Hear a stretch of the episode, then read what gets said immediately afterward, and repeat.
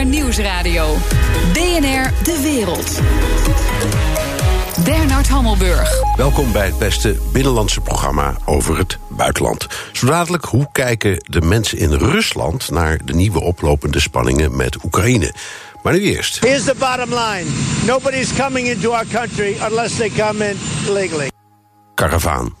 Invasie. Zo kwalificeert Donald Trump de migrantenstroom vanuit Mexico. Hij zette traangas en rubberkogels in om steeg te houden. Ik praat erover met Edwin Timmer, oud-correspondent in Mexico... en schrijver van het fonkelnieuwe boek Langs de muur van Trump. Welkom.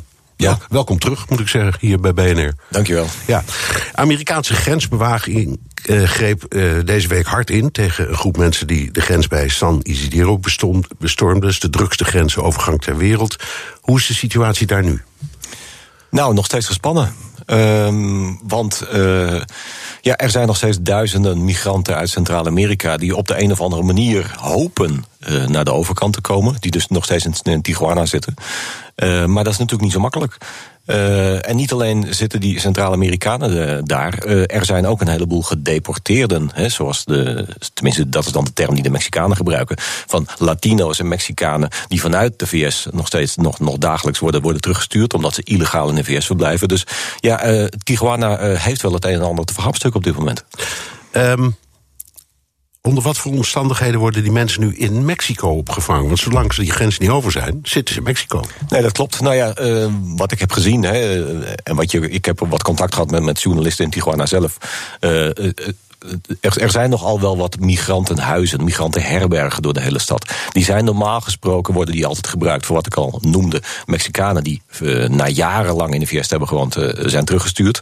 Die ja, in zo'n herberg uh, is het dan even opvangen en kijken ja, hoe dan nu verder. Maar tegelijkertijd worden die ook gebruikt normaal gesproken voor de migranten die vanuit het zuiden komen. En die gewoon laatste dag, een paar laatste dag, ja, even aansterken en dan maar kijken hoe ze de grens overkomen. Gebeurt het alleen daar in San Isidro? Dat, dat is op de grens met of ook in Arizona, New Mexico, Texas, al die andere punten waar je grensovergangen hebt? Nou, dat wat ik beschrijf van die mensen die worden teruggestuurd en Centraal-Amerikaan die naar de overkant willen, dat gebeurt overal. Alleen het feit natuurlijk van die karavaan, die is grotendeels uh, via Mexico-stad naar Tijuana.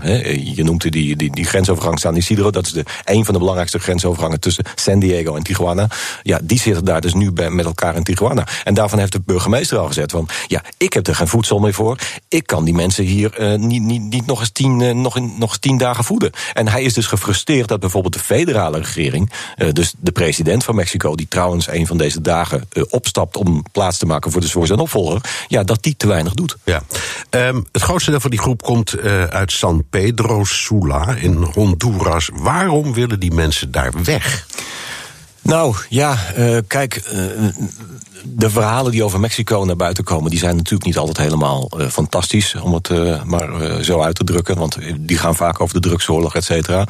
Maar over Centraal-Amerika zou je eigenlijk nog veel verdrietigere verhalen kunnen vertellen. Want ja, Honduras, El Salvador, dat zijn eigenlijk gewoon failed states. Uh, daar uh, is de macht van uh, zoals de Mara Salvatrucha, Mara, Jessie, Mara 18, is daar gewoon zo groot in veel wijken van bijvoorbeeld San Pedro Sula, maar ook in andere steden. Ja, dat, dat heel veel mensen. nou, sterker nog, stel dat, je, stel dat je kind acht of negen is, of tien of twaalf, dan is het heel waarschijnlijk in dat soort wijken dat je dus bezoek krijgt thuis van ja, die moet bij onze bende komen en daar heb ik wel een baantje voor. En dan weten de ouders dus van als dat gebeurt, dan gaat mijn zoon of mijn dochter niet oud worden. Uh, en dat is een van de redenen, naast de economische verklaringen, ja, waarom mensen dan denken van nou, dan ga ik maar uh, om de toekomst van mijn uh, zoon te gaan richting het noorden. Ja, dat geldt dus voor Honduras en El Salvador. Dat, daar, daar heb je die, die MS-13, Klopt, die ja. trouwens ook zijn poten heeft in de Verenigde Staten. Daar, daar heeft Trump wel een punt, maar goed, daar komen we nog over te spreken. dus die mensen hebben alle reden om te ontvluchten. Dat, dat, dat, dat is duidelijk. Um, wie zijn het? Wat voor soort mensen zijn het? Zijn dat nou allemaal arme sloepers? Of zijn het ook mensen die best wat geld hebben? Ik zie de beelden van allemaal mensen met mobiele telefoontjes. En ze zien er ook niet armoedig uit of zo. Nou, niet overdreven armoedig, denk ik. Kijk, uh, in dat soort landen is het zo dat je absoluut wel een, een redelijke bovenlaag hebt. Die, die echt wel veel geld hebben. Maar goed, die zijn rijk genoeg om een goede muur om hun huis bij in te bouwen. En om eigen bewaking uh, in te huren. Dus daar hebben we het zeker niet over. Uh, maar alles wat daaronder zit, ja, die zich bedreigd voelen door deze bendes. Ja, die zullen wel naar richting het noorden gaan. Ja, um, wat je je afvraagt is als ze dat al willen, waarom doen ze dat in zo'n karavaan, zo openlijk? Terwijl ze weten dat ze daar als het ware Trump mee in de kaart spelen. Ja, dat klopt. Uh, je zou dat ook denken als je ervan uitgaat dat die karavaan dat iets nieuws is. Maar eigenlijk is het dat niet. Kijk, uh, al sinds 2010 uh, is het zo dat eigenlijk elk jaar uh, mensen in groepen uh, proberen via Guatemala en Mexico naar het noorden te reizen. Waarom doen ze dat? Dat is omdat ze uiteindelijk de verhalen wel hebben gehoord van hoe migranten een prooi kunnen zijn voor de drugskartels in Mexico. Mensen worden ontvoerd, mensen worden bedreigd, afgeperst, et cetera. En bovendien, ze moeten heel veel geld betalen om überhaupt door te mogen van de ene naar de andere kant van de grens. dus ja, om jezelf te beschermen, is het beter om in de groep te gaan. Ja, maar goed. Um, dit is een grote groep, althans als je de beelden ziet. Ik weet niet of die nou echt. Hoe groot is jij? Laten we het even over hebben. Nou, we praten over 7500 mensen. Dat klopt. Ja. Uh, er zijn op dit moment zo'n 5000 mensen in Tijuana en nog zo'n mm, op zijn minst 2000 in Mexico-stad. Dus dat is nog een groep die er nog bij moet komen. Uh, ja, dat, nou ja, kijk, natuurlijk, dat ziet eruit als een grote groep. En je zou ook zeggen van ja, maar dit provoceert toch aan Trump. Dat is toch niet slim nee, dat, dat je dat mijn vraag ook. Ja, ja. Als je weet hoe die man daarover denkt, ze, ze, ze lezen ook het nieuws, die, die vluchtelingen. Ze weten hoe die dit onderwerp politiek heeft ingezet, bijvoorbeeld bij de afgelopen verkiezingen. Dus ja, je weet wat je te wachten staat als je je aansluit bij zo'n groep. Dat klopt, alleen dat is om. Kijk, als het gaat om je eigen veiligheid, om wat van je kinderen, dan is dat niet je eerste gedachte. Uh, kijk, dat is iets wat wij als analist uh, van een afstandje bekijken. Uh, ik had ook hetzelfde idee hè, toen afgelopen zondag bijvoorbeeld de beelden er kwamen van ja, dat een aantal Centraal-Amerikanen gewoon in Tijuana over de Bordo heen rennen. Dat is dan zeg maar ja, de, door die kuil heen naar die. ik ken de situatie dan naar die Amerikaanse grens. Nou, daar kom je helemaal niet doorheen door die exact, Amerikaanse grens. Exact. Dus dat is als je dat ergens zou moeten doen, niet moet doen, dan is het daar wel. maar dat is ja pure wanhoop of wat dan ook. Uh, misschien aangespoord door mensen met een paar verkeerde ideeën. In ieder geval, uh, als dat ergens niet lukt, dan is het daar. Maar ja, het is tegelijkertijd, geef je met zo'n actie natuurlijk... Trump gewoon helemaal gelijk in zijn retoriek van... dit is een invasie. Ja, betere beeldvorming had, had Trump niet, niet, nee, kunnen hebben. Nee, en, en waarom de Verenigde Staten? Want je zegt, ja, Mexico heeft bepaalde nadelen. Ook daar is het onveilig. Mexico-stad, maar Guadalajara. Maar ik denk, je kan toch ook naar het vredige, ik noem maar wat, Costa Rica. Als je zo nodig weg moet. Er zijn ook andere landen waar het veel minder barbaars is. In die Latijns-Amerikaanse wereld. Ja, maar kennelijk heeft Costa Rica dan toch ook niet helemaal het juiste, hoe moet je, het juiste imago. Zeker onder. Uh, kijk, Costa Rica heeft bijvoorbeeld onder Nicaraguanen een, het, het, imago van dat ze ontzettend discriminerend zijn. En zeker niet het uh, fijnste plekje op aarde om te werken of weet ik veel. Dus, en het, de, het beeld natuurlijk van het beloofde land, het rijke land waar al dat werk is, ja, dat is natuurlijk toch echt wel de Verenigde Staten. Ja. En er zijn er natuurlijk ook in de loop van de jaren miljoenen de grens overgekomen. Klopt. Ja. Uh, en een deel daarvan is officieel nog altijd illegaal, maar een deel is ook gewoon legaal en heeft, daar, heeft het daar goed. Ja, natuurlijk. En draagt bij aan die Amerikaanse samenleving. Ja. En die mensen denken allemaal ondanks de politieke situatie in de Verenigde Staten en de campagne van Trump, daar komen we dan wel overheen of doorheen. En als we er eenmaal zijn, komt het goed. Dat, ja. dat idee zit echt in hun hoofd. Ja, dat klopt. Trouwens, maar we hadden het net over cijfers. Hè? Ja. Misschien dat je dat interessant vindt. Uh, uh, natuurlijk doet Trump alsof het een enorme invasie is. Maar als we nou echt naar de cijfers kijken van hoeveel mensen zijn er aan de grens tegengehouden in de afgelopen 20 jaar, dan was dat in 2000 ging dat om 1, nou wat was het? Uh, anderhalf miljoen mensen, denk ik. Een heleboel mensen dus. Uh, nou, en dat is sinds die tijd langzamerhand afgenomen tot aan 300.000 vorig jaar. Dus ja, het is nog steeds een probleem. Uh, ja, het zijn nu vooral Centraal-Amerikanen. Sinds 2014 zijn het meer Centraal-Amerikanen dan Mexicanen. Maar het grote beeld van de invasie en nu komen de Latino's, ja, dat is natuurlijk ook niet waar. Nee. En 2000 was nog in de periode van. Bush, hè? Exact. Toen zaten we net bij de tweede. Ja. ja. En, en die heeft trouwens geprobeerd uh, iets heel verstandigs, dacht ik toen, maar dat is stuk gelopen in het Eigenlijk iets heel vooruitstrevends om alle illegale in Amerika een generaal pardon te geven en te zeggen: en dan sluiten we ook echt de grens. Ja. En uiteindelijk is dat door zijn eigen congres geblokkeerd. Ja, nou ja, En, en Obama heeft weer hetzelfde geprobeerd, ook mislukt. Exact. Ja, het hele migratiedebat zit natuurlijk al jaren vast. En natuurlijk onder Reagan is het wel gebeurd hè, in 1986. Toen kwam wel zo'n generaal pardon. Toen zijn echt miljoenen Mexicanen kregen ineens... nou ja, de papieren die ze zo graag wilden hebben. Uh, maar ja, nu zitten we weer op... nou ja, de, de cijfers lopen uiteen... maar misschien wel tussen de... Uh, in ieder geval 10 miljoen illegale Latino's in het land. Ja, uh, maar er is dus eigenlijk niks nieuws. Trump, Trump doet niet iets nieuws, alleen de manier waarop en, de, en de, de terminologie of de retoriek is anders. Dat klopt. En goed, de hele symboliek van de muur natuurlijk is wel nieuw. En de situatie in Mexico is absoluut anders dan tien jaar geleden. Ja. Kijk, de, de, de macht van de drugskartels langs die grens, uh, zeker sinds het begin van de drugsoorlog. Uh, en waarom haal ik die drugsoorlog erbij? Dat is omdat drugskartels, sinds dat zij moeten vechten tegen de, de federale overheid, zij ook overal geld vandaan moeten halen. Waarom moeten ze vechten tegen de federale overheid? Omdat zij zich op de een of andere manier. Ze, kijk, zij hebben hele grote delen van die regio's van het grensgebied in handen. Dat willen ze zo houden, want dat is geld. Dat is niet alleen geld omdat ze uh, de, de, drugs daar uh, de overkant kunnen, kunnen smokkelen, maar ook de migranten, die dus flink aan hen moeten betalen om uh, naar de overkant te mogen, als een soort tol. Nou ja, ze hebben dus geld nodig om die oorlog te voeren. Hoe, nou, hoe, hoe, maak je, hoe kun je die oorlog voeren? Dat is door geld te hebben om je eigen soldaten, je, je, nou, je, zeg maar, je, je halcones, je, je, je sicario's te kunnen betalen. Daarvoor persen ze de mensen af in de plaatsen, daarvoor ontvoeren ze de migranten. En daardoor, dus sinds het begin van die drugsoorlog, is de hele complexe situatie van geweld, ook voor die migranten die graag richting VS willen, gewoon veel ernstiger geworden. Zo dadelijk. We hadden het er al over. Migratie is Trumps politiek troefkaart. Maar was Obama niet ook een echte ijzervreter als het gaat om migratie?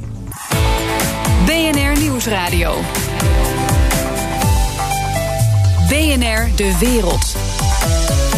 Ik praat verder met mijn gast Edwin Timmer, oud-correspondent in Mexico en schrijver van het boek Langs de muur van Trump.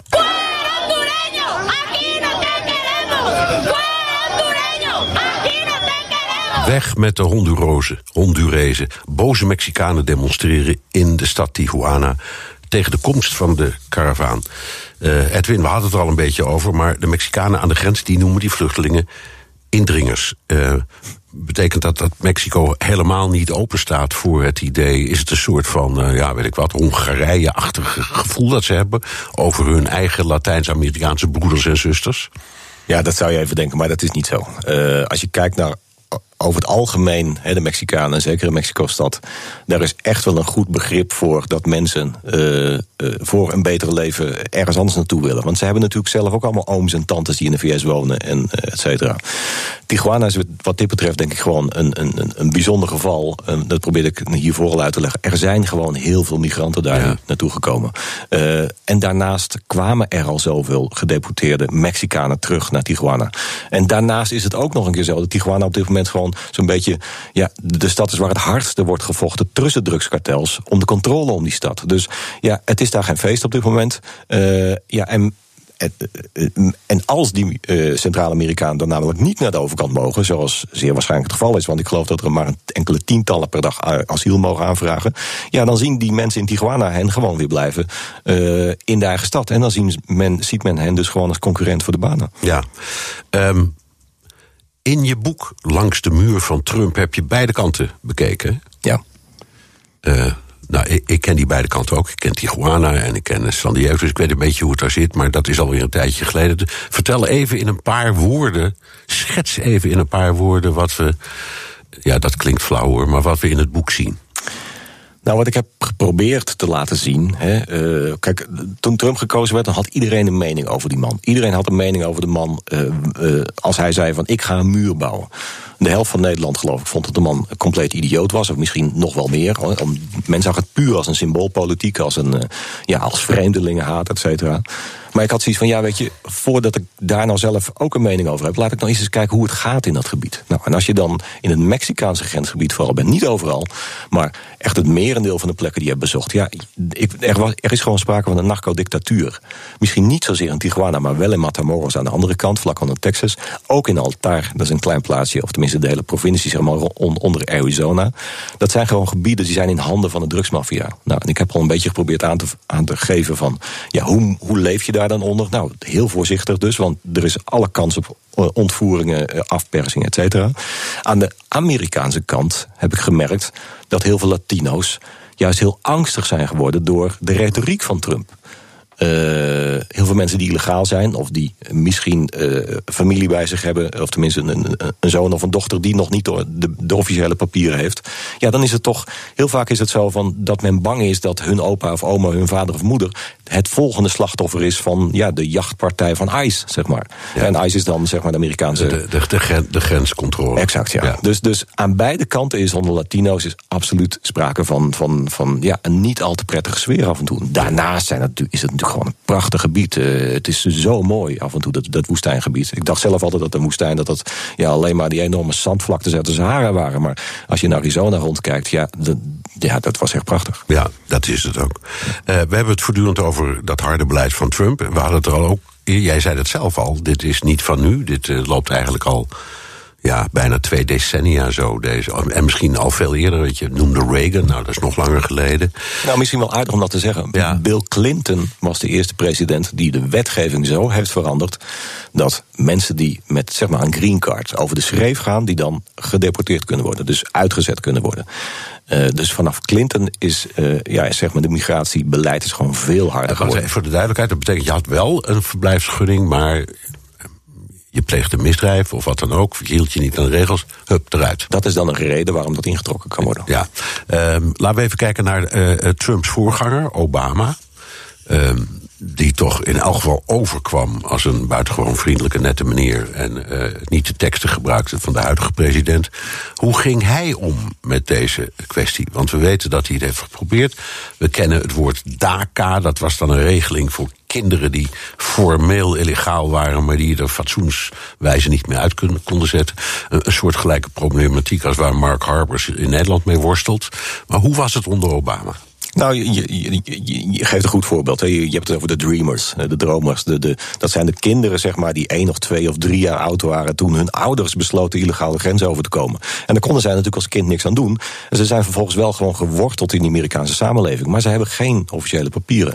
Nou, uh, uh, Obama heeft daar uh, iets voor in het leven proberen te roepen. die, die regeling DACA, zo van dat zij uiteindelijk gewoon kunnen meedraaien met normale papieren. Even voor de duidelijkheid, per decreet heeft hij dat gedaan. Niet met toestemming van het congres. Oké. Ja. Uh, maar een echte verandering van het migratiebeleid, dat is nooit gelukt. Uh, en ja, en dat, of dat nu gaat gebeuren is ook de vraag. Hoe heeft Obama het gedaan ten opzichte van Latino's? Nou, uiteindelijk waren heel veel Latino's heel teleurgesteld in hem. Ten eerste dat hij die migratie, dat hij daar niks aan kon doen. Hè, dat dat niet lukte met de Republikeinen uh, op Capitol Hill. Uh, maar tegelijkertijd, als je kijkt naar de cijfers, dan zijn de cijfers wel heel erg in contrast met die prachtige speeches en die, en die edelmoedige woorden die hij altijd gebruikte in, ja, vanuit het Witte Huis. Want uh, ja, hij werd uiteindelijk gewoon deporter in chief genoemd. Dus dat, gewoon, dat betekent dus de man die de meeste mensen uitzette uh, van alle presidenten daarvoor. Je hebt het over cijfers. Hoeveel heeft Obama eruit gezet? Um, in totaal, nou dat, dat zit in de miljoenen. Uh, maar het waren behoorlijk wat jaren achter elkaar dat het uitkwam op zo'n 400.000 per jaar. Ja, je zei al, de, de, de huidige Mexicaanse president treedt af op 1 december. Begint de ambtstermijn van de nieuwe uh, president, Obrador. Uh, die komt op ons een beetje over als een soort linkse Trump. Wat betekent dat voor de opstelling van Mexico ten opzichte van de immigratie? Uh, naar de VS? Ja, uh, nou dat, de Mexicanen noemen hem AMLO. Hè? Andres Manuel López Obrador. Uh, ja, de, de, veel critici vergeleken hebben Mexico met, met Chavez. Dat is waarschijnlijk wat overdreven. Uh, Van Venezuela. Ja, ja. Maar tegelijkertijd, ja, kijk, bijvoorbeeld nu die de burgemeester in Tijuana zei van ja jongens, dit werkt niet meer. Wanneer krijg ik hulp vanuit de hoofdstad? Ja, dan, op zo'n moment is dus de, de, de groep rond AMLO die zich voorbereidt op het presidentschap vanaf 1 december. Uh, is zo van ja jongens, uh, op het moment dat wij er zitten gaan wij je helpen. He, dus dus zij, uh, zij zullen waarschijnlijk wat meer aandacht besteden aan deze migrantenstromen. En ja, proberen daar wat meer aan te doen. Of tenminste dat wat meer in banen te leiden, weet ik het. Maar ja, tegelijkertijd, dat wil niet zeggen dat AMLO daarmee ook een hele grote de vriend van meneer Trump wordt. Nee, Trump heeft van uh, die migratiekwestie een speerpunt gemaakt, politiek. en met succes. Hè, de overwinning, laten we zeggen, in de Senaat is daar toch duidelijk aan uh, uh, te danken. en nou even los van hoe redelijk of onredelijk dingen zijn, maar heeft hij niet ook gewoon een punt? En of dat nou een muur is, of schieten met rubberkogels, of traangas, maar kun je niet voorstellen dat een president zegt: jongen, ik kan zo'n stroom illegale niet aan. Die moeten gewoon keurig netjes hun papieren aanvragen, net als ieder ander. En anders kan het niet. Ja, uh, ik denk dat hij, ja, precies zoals je zegt. Kijk, laat ik het met, met één voorbeeld aangeven. Ik was in Arizona, uh, sliep ik bij een, uh, een boer en een boerin die een veebedrijf hebben vlak bij de grens. die vertelden mij, die lieten mij zien, want ze hebben zelf camera's op een enorme landgebied, landgrond elke nacht, elke dag komen daar pelotons met drugsrunners uh, het land overzetten. Over de grens uh, uh, om de spullen richting de VS te brengen. hij zelf gaat met zo'n enorm, nou, ik doe, iets, ik doe iets met mijn handen, maar een enorm karabijn van misschien wel een, een meter. die neemt hij zelfs s'avonds naar zijn slaapkamer om zich veilig te voelen. En toen hij ging slapen, zei hij tegen mij van: Wil jij misschien een pistool mee vannacht? Om maar aan. Ja, ik was natuurlijk helemaal flabbergasted. Ik dacht, wat bedoelt de man? Maar hij dacht dus van, ja, je moet je veilig voelen. Je bent op mijn terrein. Uh, dan heb je tenminste iets als er iets geks gebeurt. Ja. Dus, nou ja, dat maakt het, het punt van Trump misschien alleen nog, nogal sterker. Um, aan de andere kant, ik hoor ook altijd... Um, dat in uh, Californië en in Texas... er zou geen aardbei meer geplukt worden... als er geen uh, Latino's waren. Dus er is ook een enorme behoefte aan uh, arbeidskrachten. En ze vervullen een enorm belangrijke rol in diezelfde Amerikaanse economie. Dat doen ze ook, ja, natuurlijk. Uh, niet alleen uh, in de landbouw, maar ook uh, gewoon in, als, als hoe zeg je dat? Als, als, als mensen die in restaurants werken of in de bouw. maar je zou dat natuurlijk ook met een heel ander systeem kunnen doen. Ik bedoel, in de jaren 50, 60 hadden we het Bracero-programma. Nou, wij niet, maar daar dus. waarin Mexicanen gewoon volgens regels tijdens de oogst of voor een bepaalde werktermijn heel makkelijk naar de VS konden. ja, dat programma bestaat niet meer.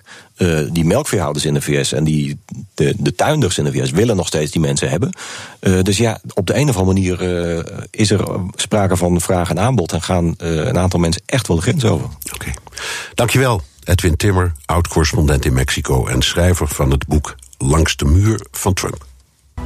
BNR Nieuwsradio. BNR De Wereld. Bernard Hammelburg. Terwijl de Britse politici in een katatonische toestand de brexit bespreken, worstelt ook Zwitserland met zijn verhouding met de Europese Unie. Na vier jaar onderhandelen slijpen ze in Brussel en Bern de messen om er een bloedige strijd van te maken. Europa-verslaggever Pinster, waarom zijn er nieuwe afspraken nodig tussen de Europese Unie en Zwitserland? Omdat het nu een totale warboel is van zo'n 120 verschillende akkoorden die per sector zijn afgesproken en dat ze daar toch een keer vanaf wilden. Dus dat moet dan vervangen worden door één allesomvattend akkoord. Want ja, Zwitsers zijn geen EU-land, maar zijn wel heel erg verweven met de Europese Unie. Dus nou, er ligt nu een aanbod van de Europese Unie. Daar gaat de regering in Bern zich morgen over buigen. Maar het lijkt in die zin heel erg op het Brexit-akkoord wat we gezien hebben. De EU zegt: dit is het beste wat we hebben. En iets beters gaat daar niet komen. En hoe denken ze vanuit Brussel de Zwitsers te dwingen om de voorstellen die er nu liggen te accepteren? Door het uit te vechten over het hoofd van de financiële markten of de beurzen, om precies te zijn. Eind december loopt er een, ja, dat is een soort gelijkwaardigheidsafspraak die ze hebben. Dan erkennen ze eigenlijk de regels en de, het toezicht van een niet-EU-land.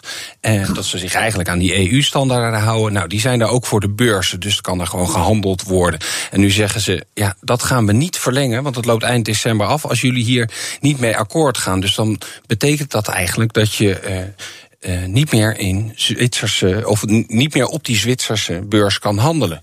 Um, nou hebben de Zwitsers al hun tegenmaatregelen klaar liggen. Dan zeggen ze, nou dan mag er ook buiten Zwitserland niet meer in aandelen van Zwitserse bedrijven. Novartis, de Farmaceut of Nestlé mag daar niet meer in gehandeld worden. Dat ze wel een beetje de boel aan de gang houden daar in Zurich op die beurs. En nee, de irritatie is over deze toch wel wat onder druk zettende maatregel vanuit de, de EU behoorlijk uh, geïrriteerd. Want de Zwitserse parlementariërs die roepen al...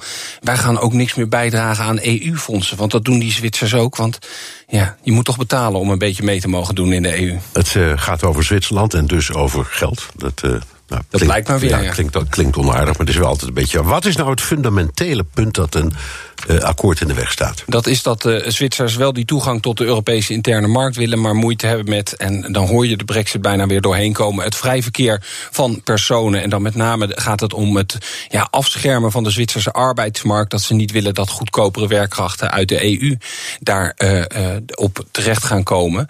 En ja, wat het geheel toch wel laat zien, is dat de EU misschien een beetje geleerd heeft om zijn spierballen te laten zien. Zoals we dat bij de Brexit toch ook wel gezien hebben. Dat ze zich realiseren, wij zijn toch een stuk groter dan die partij die aan de andere kant van de tafel zitten. En ze zijn ook niet bang om dat extra stukje gewicht te gebruiken in deze onderhandelingen. Als we even kijken naar de Brexit, dat, dat Zwitserse model, dat, dat wordt vaak genoemd. Het Noorse model wordt vaak genoemd. Maar dat Zwitserse model klinkt dan niet meer zo aantrekkelijk voor de Britten. Nee, dat uh, op dit moment uh, zeker niet. Dan moeten we eerst nog maar eens zien of die Britten met de hele scheiding akkoord gaan natuurlijk over twee weken.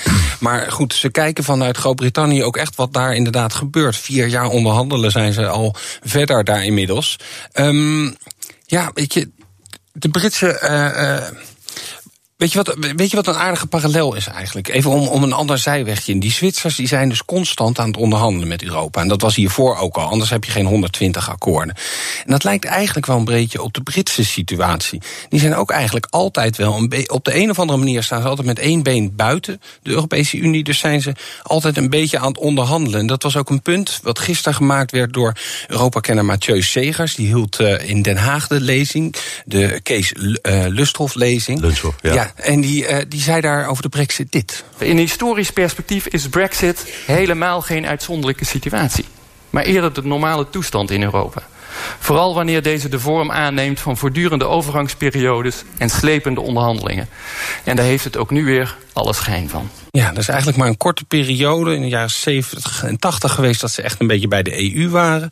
Dus dat, laten we dat toch in ons achterhoofd houden als we naar Zwitserland kijken, maar ook naar de Britten die zo aan het worstelen zijn met de brexit. Het is meer continuïteit dan disruptie. Dankjewel. Europa-verslaggever Jesse Pinster. The Donald Show. Tijd voor de Donald Show met onze correspondent in Washington, Jan Postma.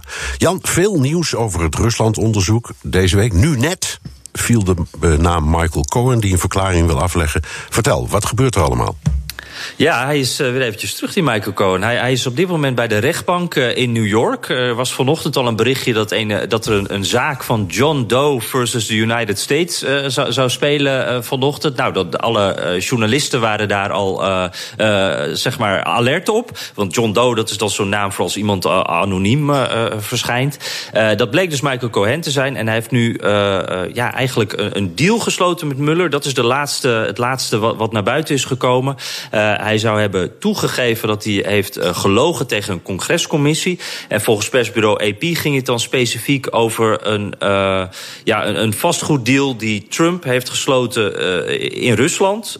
daar zou Cohen dus wat over hebben gezegd tegen die commissie. En dat zou achteraf, ja, daar zou hij over gelogen hebben. Er zijn de andere media die melden dat het ook gaat over breder contacten van de Trump-campagne met Rusland. nou ja, dat zijpelt allemaal zo een beetje naar buiten nu. Maar wat we in ieder geval weten is dat Cohen zo'n zo'n 70 uur met Muller gesproken heeft. Dus dat uh, zal over meerdere uh, dingen gegaan zijn. En uh, ja, dat is wel weer een, een, een, ja, een knal voor Trump ook. Trump die staat op het punt om in het vliegtuig te stappen voor die G20-meeting in Argentinië. En ja, vlak voordat hij dus in dat vliegtuig stapt, hoort hij dat zijn persoonlijke advocaat, de man die zoveel weet over Donald Trump, dat die nu officieel ook met, met Muller gaat samenwerken. Ja, veel nieuws de afgelopen weken over dat Mueller-onderzoek. Je had uh, Manafort, uh, de, de, de campagnemanager, was ook van alles en nog wat over te doen. Die heeft ook gelogen. Um, welke kant denk jij dat dat onderzoek nu uitgaat? Nou ja, als je inderdaad eh, kijkt naar, naar, naar waar dat nieuws dan allemaal een beetje over gaat... dan heb je inderdaad Manafort, dan heb je nu dus Cohen. Dat gaat ook weer een beetje uh, dezelfde kant op. Het heeft steeds toch met die collusion te maken. Die, die eventuele samenspanning tussen Rusland en de Trump-campagne. En nou ja, het andere spoor is uh, obstructie van justitie. Dit zeg ik niet helemaal in goed Nederlands... maar, maar tegengaan van het justitiële proces, zal ik maar even zeggen. maar die samenspanning, daar lijkt nu toch wel echt de focus op te liggen. Want ook met Manafort die voormalig campagnechef. Daar ging het bijvoorbeeld over contacten met Wikileaks, die op een bepaald moment tijdens de campagne allerlei gehackte e-mails van de Democratische Partij naar buiten brachten. Nou, Manafort die zou mogelijke contacten hebben gehad met Wikileaks op een cruciaal moment. Die zou daar mogelijk van geweten hebben. er worden ook mails onderzocht van Roger Stone. Dat is nog zo'n Trump-getrouwe, zeg maar, een campagneveteraan. Echt een heel excentrieke man met, met een tatoeage van Richard Nixon op zijn rug. Uh, en ook Jerome Corsi, dat is nog een naam die uh, rondgaat, een conservatieve complotdenker. Uh, die, die onder andere bij Infowars werkte. En die zouden ook hebben contact hebben gehad met Wikileaks. Dus naast ook dan het bericht van Cohen, wat we dus nog niet helemaal weten tot in detail, lijkt toch wel dat alles een beetje richting die samenspanning gaat op dit moment in het onderzoek van Muller. Maar goed, het blijft Robert Muller. We weten het nooit helemaal zeker. Nee, nee, nee, dat weet ik. Dat vragen we ook niet. Maar we vragen alleen maar wat je, wat je denkt. En je zit er zo met je neus bovenop. Heb je de indruk dat het naar zijn eindpuntje gaat? Dat we binnenkort uh, meer antwoorden krijgen. En misschien ook dat rapport.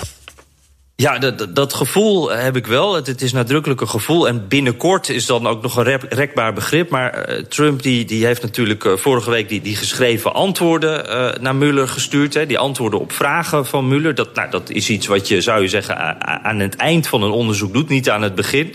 Um, en biedt echt wel een soort stroomversnelling in nieuwsberichtjes. En dat, dat lijkt er toch wel op te wijzen dat er echt wat aan de hand is. Dat er meerdere dingen tegelijk ge, ge, gebeuren. Um, dus er lijkt wel wat aan te komen. Ja, we weten ook dat Muller uh, als zijn rapport aan het schrijven is, dat hij daar al aan begonnen is. Maar goed, die, die eindfase lijkt ingezet, maar hoe lang die eindfase gaat duren, dat blijft uh, nog even onduidelijk. Nee. De highlight, uh, Jan, van jouw verhaal vandaag is voor mij die tatoeage van Nixon op je lichaam. Denk daar maar eens over na. Dankjewel, Jan Postma, correspondent in Washington. En zo dadelijk Oekraïne en Rusland op maat naar een koude oorlog, een lauwe oorlog of een hete oorlog.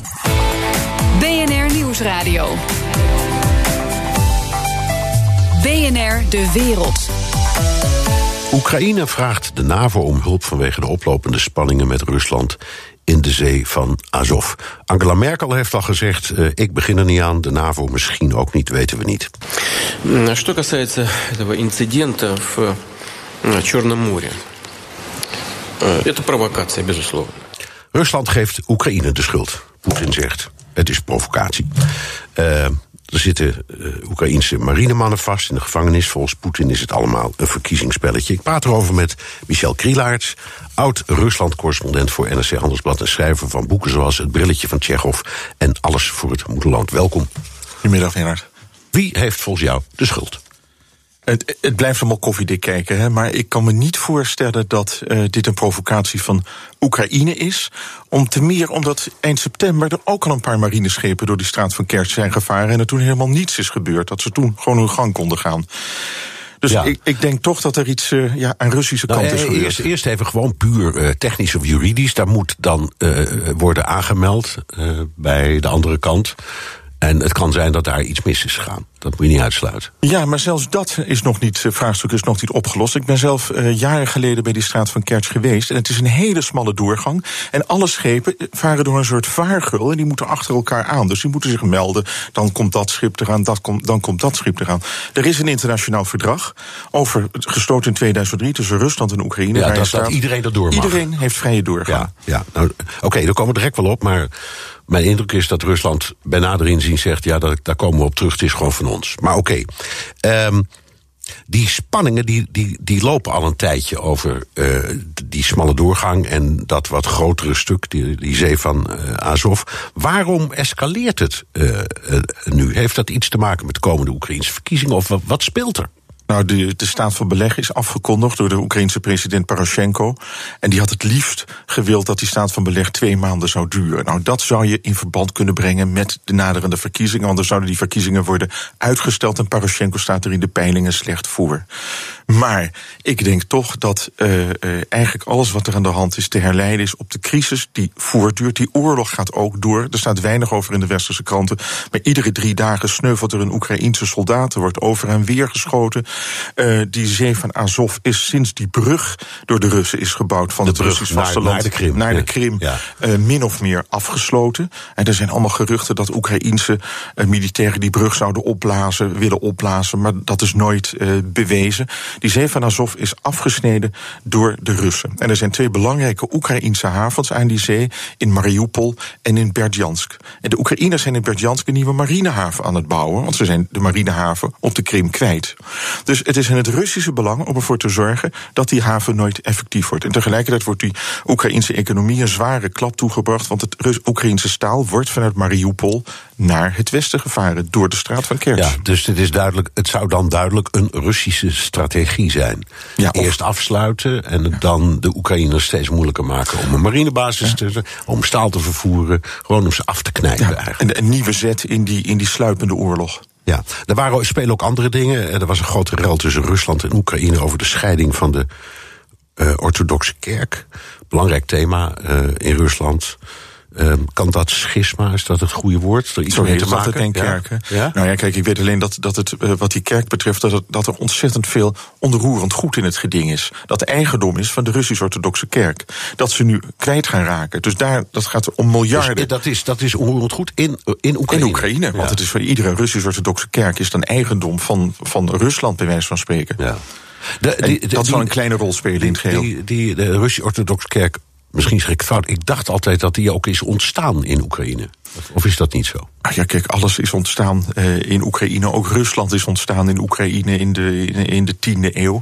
Maar eh, die Oekraïners hebben. De helft van Oekraïne was rooms-katholiek lange tijd. Want het behoorde helemaal niet. Dat zat bij Polen en een deel daarvan bij het Habsburgse keizerrijk. Over schisma gesproken.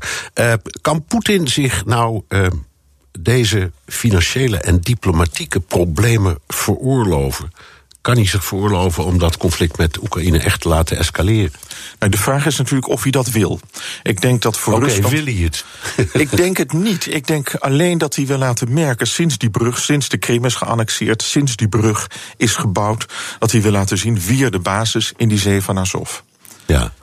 En dat is, dat is nu duidelijk geworden. En dat brengt natuurlijk eh, Oekraïne in grote problemen. Ja, en het, het, het, eh, we moeten ook nadenken over een antwoord. We hadden het er al over. Duitsland heeft nu net gezegd.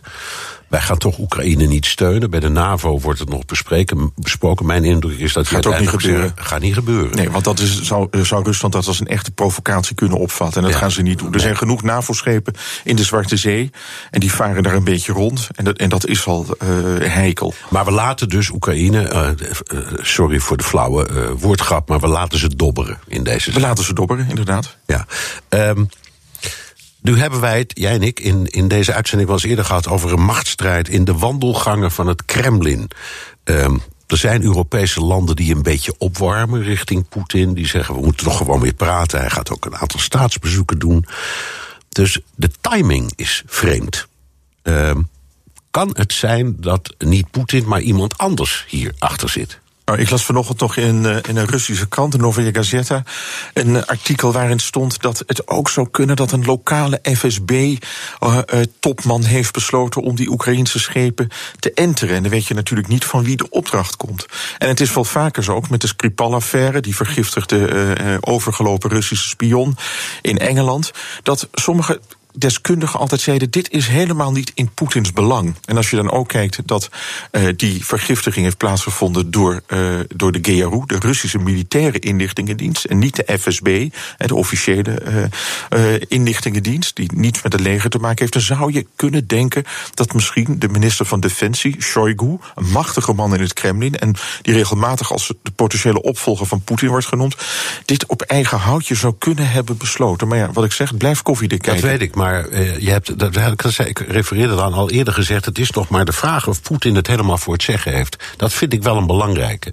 En is het nou jouw indruk, op zijn minst, dat we daar af en toe aan moeten twijfelen? Nou, je kunt denken dat het allerminst in Poetins belang als president van Rusland en voor zijn eigen machtspositie zou zijn als die oorlog opnieuw aangewakkerd zou worden. Daar ja. heb je geen belang bij. Dat leidt tot nieuwe sancties, dat leidt tot nieuwe uh, uh, ja, verkettering van Rusland. En kijk, je ziet dat Rusland voortdurend bezig is om die sancties opgeheven te krijgen, om weer goede betrekkingen met, West, met Europa aan te gaan en ook met de Verenigde Staten. Ja, en dan zeggen wij, uh, Poetin verhindert dat zelf. En jij zegt, kijk uit, dat weet ik niet helemaal zeker.